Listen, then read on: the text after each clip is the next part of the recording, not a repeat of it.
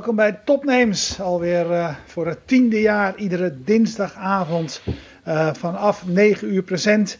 En we maken in veel gevallen vervolgverhalen. Een aantal jaren geleden was jij bij ons te gast, uh, Doki, Doki Tops. Je kwam toen vertellen over, over, je, over je bedrijf, over Utomic. En zei, wij worden de, de Netflix van de games, was de, de, de, de kop boven het verhaal. Ehm, ja, en we willen eigenlijk nu horen hoe het je sinds die tijd gegaan is. Ben je dat al? Uh, ja, nou, we zijn nog niet zo groot als, eh, als Netflix. Dan niet. Maar uh, ja, uiteindelijk, uh, hoe lang was dat geleden, joh? ik heb niet helemaal scherp meer. Een jaar of vier. Ja, vier? Ja, ja, nou, dan zijn we aan het eind gekomen. Dus even kijken hoor, in vogelvlucht. We moeten even graven hoor. we hebben nu 1200 games op het platform. Dus en dat was eigenlijk, uh, toen we ook startten, was het überhaupt nog maar de vraag of we ontwikkelaars en uitgevers van games zover zouden kunnen krijgen. Dus uh, daar zijn we in het begin echt heel veel en heel lang mee bezig geweest. Nou, de wereld ziet er nu echt heel anders uit, zullen we maar zeggen. Inmiddels is er een andere Netflix van games opgestaan. Uh, dat is Microsoft Game Pass. Dus dat is eigenlijk ook voor het eerst in mijn carrière, zeker als innovator, dat je echt ineens op een andere manier moet gaan positioneren. Dus je bent niet meer de young one on the block, maar je moet jezelf echt gaan positioneren om, om een andere concurrent heen en kijken hoe je daar uh, jezelf uh, naar verhoudt. in de eerste fase heb je daar natuurlijk helemaal geen last van. Dus ja, heel interessant. Ehm, wat er allemaal gebeurd is, een van de grotere dingen is aanvankelijk was ik ja, verantwoordelijk ook voor een groot deel voor het binnenhalen van content. Dus de organisatie is denk ik van een mannetje of toen, negen man, naar 32 plus of zo uh, nu gegaan. Dus dat is echt een hele andere manier van opereren voor mezelf. Dat is ook echt wel een challenge geweest, uh, moet ik zeggen, toen we boven dat magische 30-getal uitgingen. Dat was... Uh, hey Doki, ik ga je even onderbreken, want ik, ik hoor een echo bij jou. Heb je toevallig een oortje liggen wat je in je computer kan stoppen? Of in je... Die zou ik dan. Het vreemde is dat die echo eigenlijk niet bij hem zou moeten kunnen komen, omdat het jouw eigen stem is. Maar... Nou... Ik, ik, heb nog nooit, ik doe al heel veel videocalls met, uh, ik heb dit nog nooit gehoord. Nee, nu, gaat het, nu gaat het ook weer goed. Ja, nee, bij ons kan het niet komen, want wij hebben allebei een koptelefoon en een microfoon. Ik, het gaat nu weer goed. Oh. Ja. Nu weer goed. Wacht, er was, er was iets anders, uh, kennelijk. Hey, je, zei, je, zei, heel veel, uh, in, in, in, in, in het korte antwoord zei je heel veel interessante dingen. Uh, ten eerste, laten we ons daar eventjes beginnen. je zei van, er was nog niet zoiets, iets vergelijkbaars. Dus we moesten die uitgevers gaan overtuigen dat dit, dat dit een goed idee was.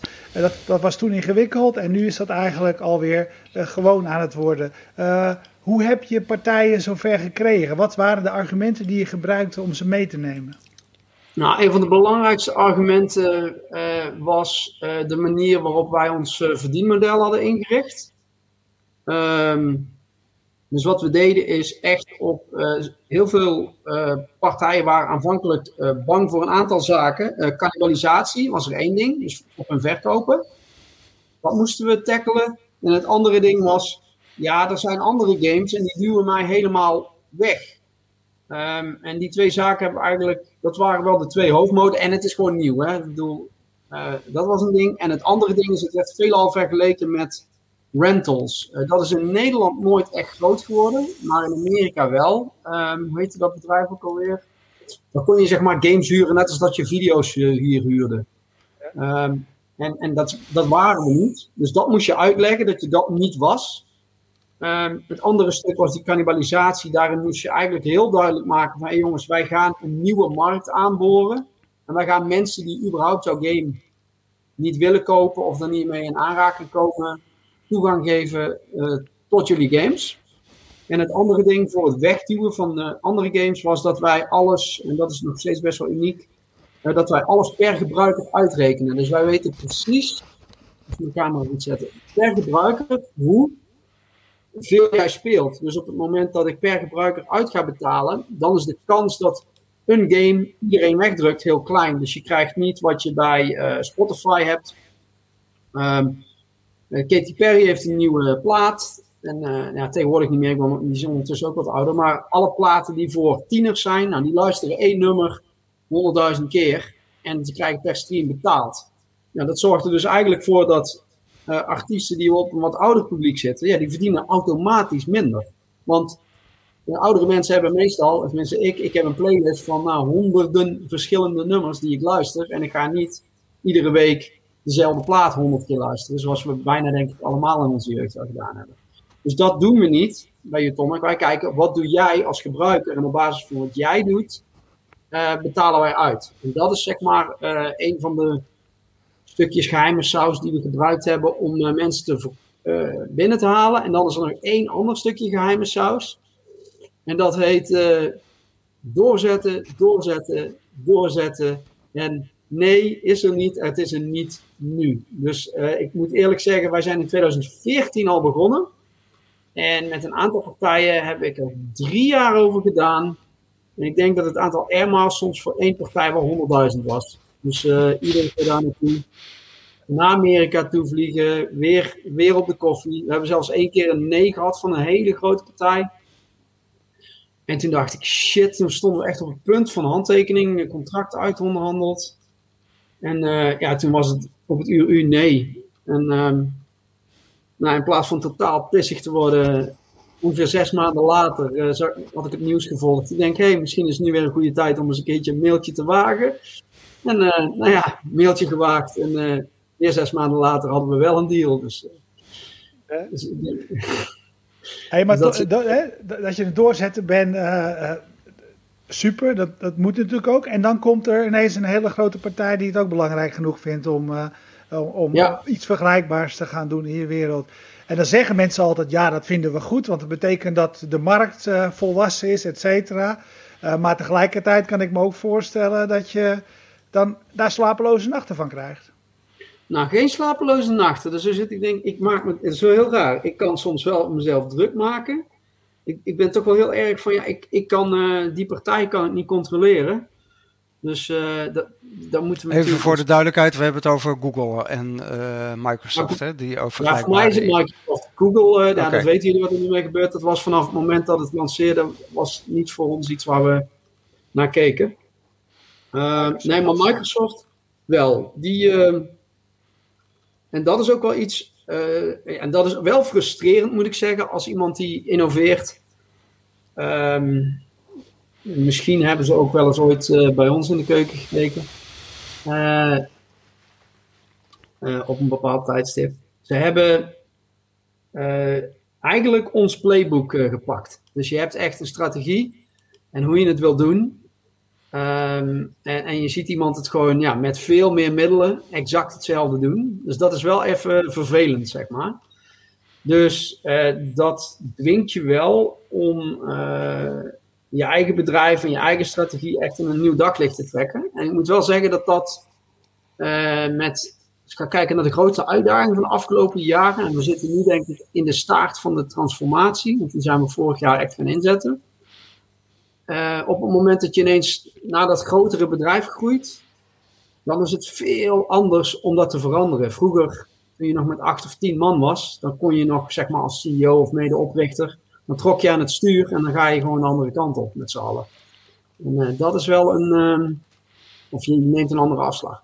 Dat is iets wat. Uh, ja, meer kruim heeft gekost en heel anders is gegaan uiteindelijk dan ik had voorzien. Hoeveel mensen zijn jullie nu? Ik geloof 32 man. ik ben me niet op de exacte. Ben iemand die Hey, welke, dus richting zijn, welke richting zijn jullie ingeslagen dan? Wat, wat, hebben, hebben jullie het afgelopen jaar gedaan? Nou, we zijn het afgelopen jaar, uh, dat is misschien wel interessant, uh, eind 2019 um, zat ik eigenlijk zelf, ik ga gewoon heel eerlijk zijn, niet helemaal lekker in mijn vel meer. Ik, ik moest veel te veel ballen hoog houden. Ik, voor het eerst in mijn leven ging mijn energie omlaag. En, ik weet niet of jullie van de vorige keer wees, nog herinneren, maar ik ben meestal iemand die wel de meeste mensen zeggen, ook als ik op beurs was, eh, jij, ben, je hebt een dure celbatterij en dan nog drie. Dus, en, en dat kwam eigenlijk ook omdat je ja, op een nieuwe manier je bedrijf moet gaan leiden. En uh, uiteindelijk ook besloten om te, te zeggen naar mijn medeoprichters van hé, hey, er moet iets veranderen. Ik doe te veel, ik heb veel te druk, ik moet op te veel borden schaken. En we moeten echt ja, aan de bak. En nou, eigenlijk wel heel leuk. Uiteindelijk zijn we met een extern iemand in zee gegaan die ons echt hands-on is gaan helpen. en ik moet zeggen dat het, ja, dat is soms wel even wennen, maar ik ben er echt dolgelukkig mee dat we dat gedaan hebben. Um, en dat heeft uh, dat proces van trans transitie en transformatie echt uh, geholpen. Omdat je dan ook een, uh, ja, om het maar in hippe taal te zeggen, een outside-in look krijgt in je bedrijf. In het rijlen en zeilen. En de executie van een verandering.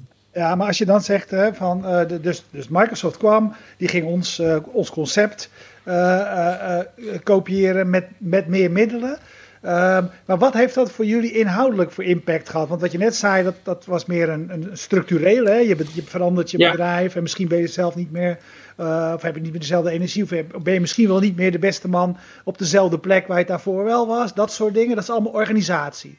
Maar inhoudelijk, oh, inhoudelijk, nou, inhoudelijk eh, kan ik zeggen wat er echt veranderde is uh, als je. Nou, twee dingen. Een aantal hele, hele goede dingen die veranderd zijn is het sourcen van nieuwe content werd aanvankelijk ook wel een stuk makkelijker.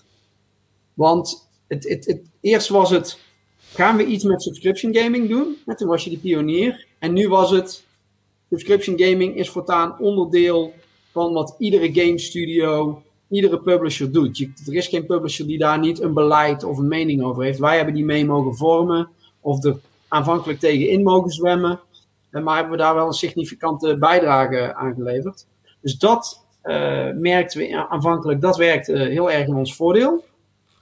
Um, wat op den duur wel merkte is bijvoorbeeld dat het licentiëren van bepaalde soorten content uh, ineens echt stukken duurder werd en minder toegankelijk.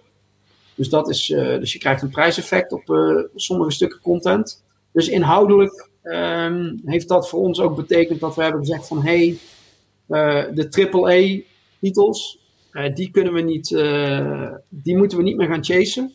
Uh, onze data liet dat trouwens ook zien. daar onderscheiden we ons niet mee. Um, en ze zijn gewoon veel te duur. Dus dan zouden we heel veel geld moeten betalen om iets te hebben wat de ander ook heeft. en dat is niet echt een nou ja, vruchtbare manier van inzetten van kapitaal. Dus ja, dat is eigenlijk wel inhoudelijk hoe we het gemerkt hebben. We hebben het nooit echt direct heel erg kunnen zien in de statistieken. Maar ik, ik, ik uh, uiteindelijk uh, zal het wel zijn impact hebben. Hey, uh, Johan Schaap die kijkt altijd mee en je kent hem ook als een man die de feiten wil weten. Hij vraagt dan ook toch nog even een aantal getallen van de Utomic. Hoeveel games, hoeveel gamers, hoeveel landen, omzet? Ja, dat zijn die getallen die we nog niet publiekelijk delen. Het aantal games die hebben we wel. Um, Even kijken, wat kan ik delen? De, we hebben inmiddels in de honderdduizenden uh, uh, mensen naar ons platform toegetrokken. Dat kan ik wel delen. Uh, het aantal games, ja, 1200 plus games. inmiddels, als je zo lang bezig bent, heb je ook verloop van partners. Dus je hebt partners die binnenkomen en die, die weggaan. soms om financiële redenen, soms om strategische redenen. Sommigen die gaan heel anders uh, kijken naar uh, subscription gaming. Die willen een eigen platform starten bijvoorbeeld. dat soort zaken. Dus dat is wat dat betreft wel een verandering. Ik geloof dat we inmiddels in totaal iets van 1400, 1500 games ooit live hebben gehad op het platform. Dus er zijn er ook die weggaan. En soms willen we zelf niet verlengen. Dat is natuurlijk ook een, een ding wat voorkomt. Maar wel relatief weinig trouwens. Hey, als je hey, zegt, uh, toen, toen, wij jou in 2016 uh, spraken op de, de, voor Fast Moving Targets, ja. toen zei, vertelde jij dat eigenlijk iedereen jullie voor gek verklaarde. Dat jullie begonnen met een, nou, laten we zeggen, de Netflix van het gamen of een, een, een platform. Ja. Um, hoe kijk je daar eigenlijk op terug? Want ik denk, nu zal niemand jullie meer voor gek verklaren. En liepen jullie misschien eigenlijk wel veel te ver uh, voorop. Hoe kijk jij daar nu tegenaan? Uh, ik denk niet dat wij veel te ver uh, voor de muziek uitliepen. ik denk dat we eigenlijk nog steeds op de muziek zitten, want het is wel een markt die volop in ontwikkeling is. Ook als je nu gaat kijken met onze nieuwe strategie, die zich meer richt op B2B uh, en B2B2C, dus met partnerships werken.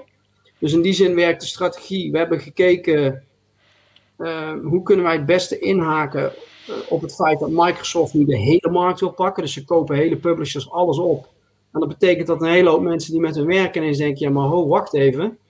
Dit is eigenlijk ook een concurrent. Uh, daar moet ik mee uitkijken. Net zoals bij Netflix. Dus een hele hoop partijen zijn daar nu heel wakker op. Ook andere partijen in de, in de value chain. En dat biedt heel veel perspectief voor ons als onafhankelijke uh, partij. Dus hoe ik daarop terugkijk is eigenlijk... Ik denk dat we eigenlijk op de muziek zaten. Uh, ik denk wel, de koe in de kont kijkend, als ik bereid was geweest om naar Amerika te verhuizen, dat wij echt een stuk meer funding hadden echt wel kunnen ophalen. Omdat daar op een andere manier naar een start-up uh, en naar zaken gekeken wordt. als ik gewoon terugkijk naar heel veel investeerders, dan, dan werd de lat gewoon steeds hoger gelegd aanvankelijk. Dus eerst geloofden ze niet dat je de content binnen kon halen. Nou, toen lieten we dat zien. Hè, kijk eens, we hebben een Disney en een Warner binnengekregen. Ja, en vervolgens zeiden ze, ja, welke omzet kun je al laten zien? Dan ben je in een soort van kip-ei discussie. Um, en ik, ik, vind het jammer dat we die niet hebben kunnen beslechten in de periode dat we echt nog de alleenheerser waren. Dus dat we toen uh, heel veel marktaandeel hadden kunnen pakken. Maar ja, dat, is, uh, dat doe je niks aan. Uh, en nu zijn we waar we zijn. En ik denk dat we nu heel veel opportunity hebben met cloud gaming. Is echt een heel interessante ontwikkeling, ook voor ons. Um, en ik denk dat subscription gaming echt aan de vooravond staat om echt heel groot te worden. Waardoor we echt een, significant mee kunnen gaan doen in die opkomende markt. Naast Microsoft. Als je, als je die uh, nog even bij die vergelijking van zeg maar Netflix en aanverwanten blijkt. Hè? Uh, daar hebben we gezien dat uh, we, we, nu eigenlijk ook in de periode zitten dat bijvoorbeeld hè, Disney zegt van hè, Disney heeft gezegd van we halen die titels van anderen weg en we gaan zelf onze eigen, eigen, eigen dienst beginnen. Er, er, ja. er, komen meer vergelijkbare diensten. Hoe zie jij die markt waar jij in opereert? Is dat een winner takes all markt of is het een beetje of is het vergelijkbaar? Ik, ik, ik denk dat dat binnen gaming echt een, een stuk moeilijker gaat worden. Waarom? Eigenlijk omdat iedereen de Netflix Play al heeft gezien.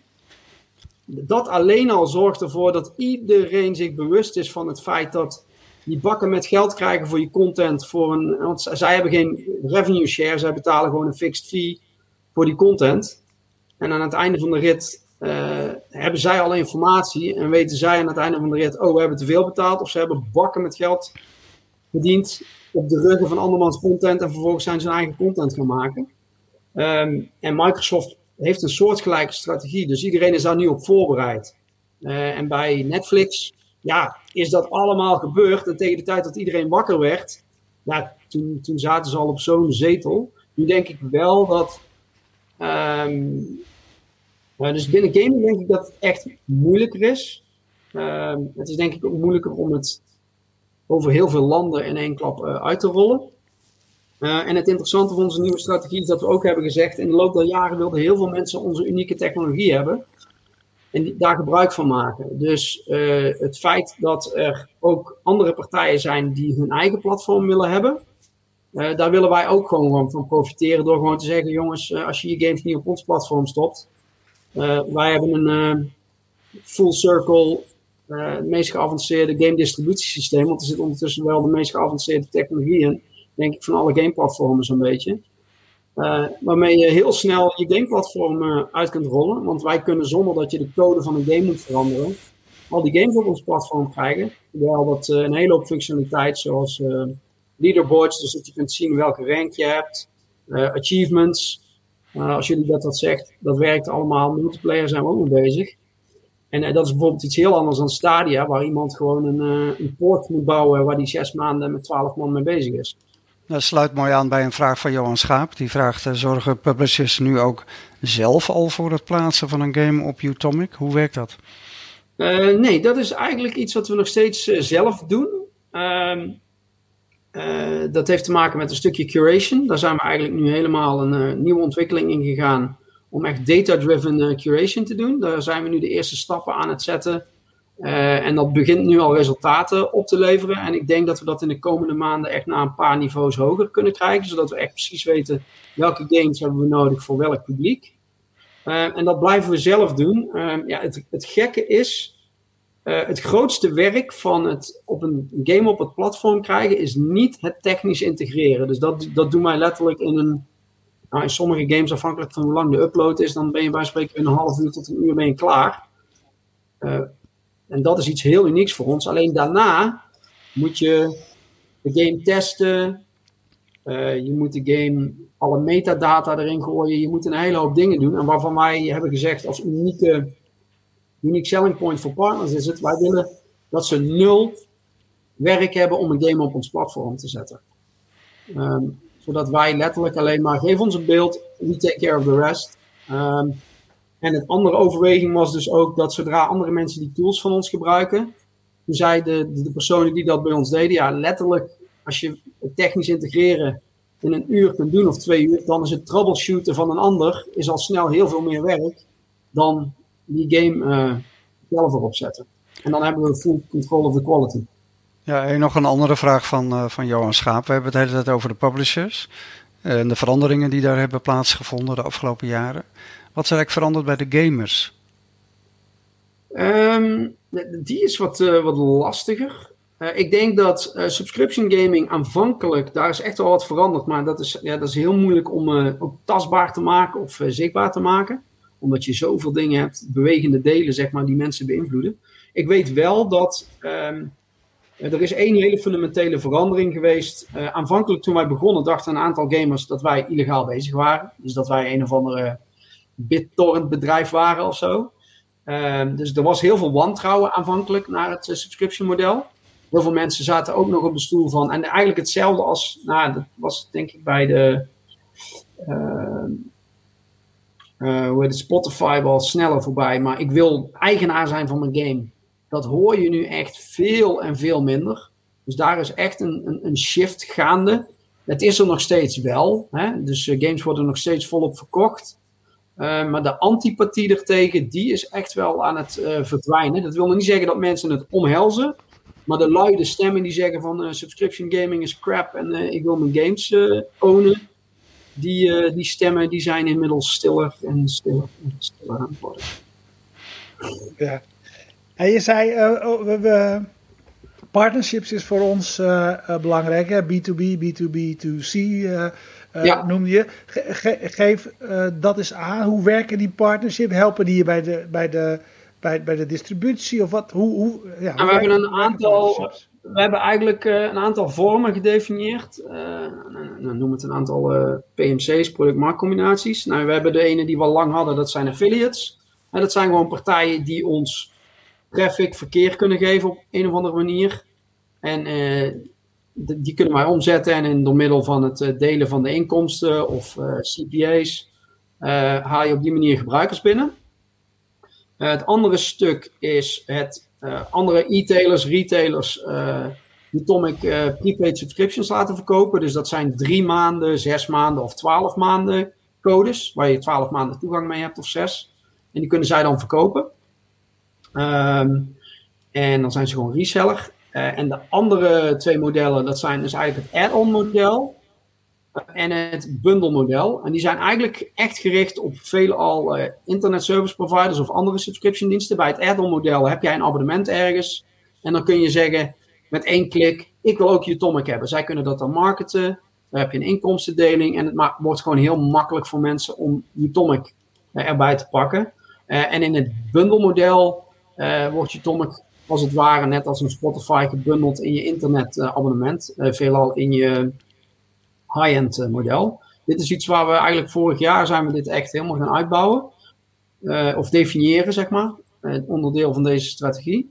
Um, en dan het laatste model is dus het Utomic platform verkopen. en dan kan iemand anders zijn eigen gameplatform gebruiken. Als ik bij, uh, bij de, de, verhalen die je altijd leest over, over Netflix, is dat zij zo ontzettend veel met die, met die data doen, analyse van data. Dan kijken mensen naar wat vinden ze leuk, et cetera. En dat ze op basis van die data uh, zelfs ook weer series gaan uh, ontwikkelen. En in een bepaalde leeftijdscategorie zien ze dat. Beetje die science fiction-achtige dingen werken, dus gaan ze dat maken. Wat doen jullie met, je, met, met de data die, die, die je hebt? Ja, wat wij daar eh, nu mee doen is op dit moment, uh, dat is een project wat al heel lang aan de gang is. Helaas duren die lang. En we hadden al snel in de gaten dat we een nieuwe client nodig hadden. Die moest echt opnieuw from scratch gebouwd worden. Um, En die zit nu echt aan de start van ontwikkeling. En een van de dingen die daar echt hoofdmoot in is, is recommendations. Dus dat wij op basis van wat wij weten van gebruikers recommendations doen. Op dit moment, ja, wij maken geen eigen games. Daar, daar zijn we niet. Ehm, we willen in de toekomst wel uh, scherper kunnen samenwerken met de partijen met wie we samenwerken. En wat ik net zei is, we willen heel scherp weten welke games we moeten sourcen en waarom en met welke frequentie. Um, en daar zijn we nu ja, echt stappen in aan het zetten. Um, grootste uitdaging is niet hoeveelheid data die je hebt, maar hoe zorg je ervoor dat alle teams in je organisatie, dat je die data op zo'n manier presenteert en alles destilleert, dat mensen daar zelf heel goed uh, beslissingen op kunnen maken. En daar, zit, daar zijn we nu eigenlijk, het is wel leuk dat je dat nu vraagt, daar zitten we nu volle bak, zijn we daar mee bezig. samen met mijn founder, want wij zijn toch de twee mensen die helaas naast onze normale petten ook echt een datapad op hebben. besteden wij hier veel tijd aan, zowel het praten erover. want data gaat bijna altijd over, um, als ik echt in detail ga, over de juiste vragen stellen. Dat klinkt heel simpel, maar dat is uh, echt heel moeilijk. Dus wat is de vraag die je wilt stellen?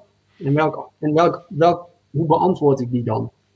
En met welke data? En hoe zorg ik ervoor dat mensen, dat laatste, dat was voornamelijk het grootste uitdaging. Hoe zorg ik ervoor dat mensen met die antwoorden, dat dat niet iets is wat alleen wij twee begrijpen, maar dat iedereen dat kan reproduceren en uh, daarmee uh, verder kan. Dus ja, daar doen wij meer en meer mee. Ik, ik, ik zou willen nog meer, maar het kost helaas tijd is het denkbaar dat jullie op een gegeven moment wel je eigen games uh, gaan maken? Of laten maken? Of opdrachten geeft voor games? Um, ik denk het wel. Ik denk dat we afhankelijk, kijk, dat vind ik heel moeilijk om in de toekomst te kijken. Kijk, afhankelijk, we hebben gezegd we willen onafhankelijk zijn, want die onafhankelijkheid die geeft ons een unieke positie. Waardoor mensen met ons samen willen werken. Dus ik denk dat als wij het doen, dat we het.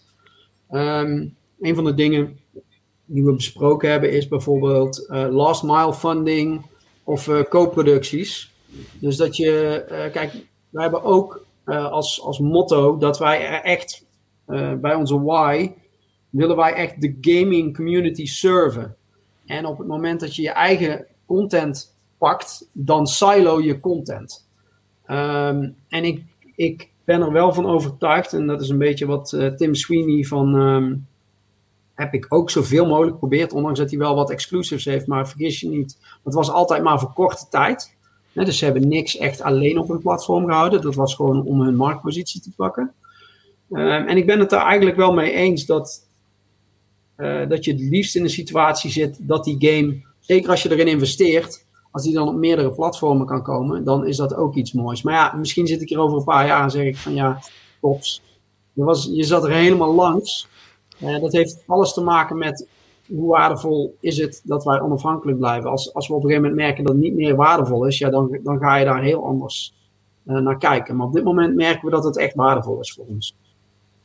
Je zei eerder, um, dus enerzijds hebben we ons eigen platform en anderzijds uh, kunnen we die techniek ook aan anderen, aan anderen leveren. Uh, ja. Moest ik, moest ik, een klein beetje aan Amazon denken, zeg maar. Die eigenlijk eerst noodgedwongen zijn eigen technologie, infrastructuur ging maken. En later het meeste van zijn geld ging verdienen met diezelfde infrastructuur. Uh, als, jij, als jij op de lange termijn kijkt, is dat, is dat is, is, is voor jou een twee sporen beleid? Of ben je ook blij, zeg maar, als je, als, als je de beste technologie voor andere platforms kunt leveren? Of ben je eigenlijk alleen maar blij als Utomic het grootste, beste uh, gamesplatform is? Uh, nee, ik ben in allebei de gevallen blij. Ik weet nog uh, in, uh, in, wat was? Augustus 2019 of zo had ik met iemand een gesprek. En toen zei ik eigenlijk, ons platform voelt voor mij als een, een vogeltje in een kooitje. Het kan zoveel meer mensen bedienen en zoveel meer genres. En wij zijn beperkt met onze, budget, met onze budgetten of met onze strategie in een bepaald hoekje. Terwijl dat een hele hoop mensen, inclusief mezelf trouwens, echt wilde ideeën heeft om, om nog veel meer andere dingen te kunnen bouwen. Dus als iemand een, een niche subscription wil starten, nou, by all means, doe dat. Um, ik, eh, ja, ik, ik denk dat daar. Nee, ik zie dat niet als een uh, failure. Ik zie dat nog steeds echt uh, als succes. Want als je zegt hoe kijk je terug, ik ben wel heel trots op wat we gedaan hebben. Ik bedoel, ik, ik kan wel met recht zeggen dat alle groten hebben het afgekeken van ons. Um, en en dat, daar koop je geen brood voor, maar toch als je, als je in je hart en nieren wel een innovator bent, dan vind je dat wel op zich niet, dat is dan niet verkeerd om te zien. Uiteindelijk wil je natuurlijk ook succesvol worden.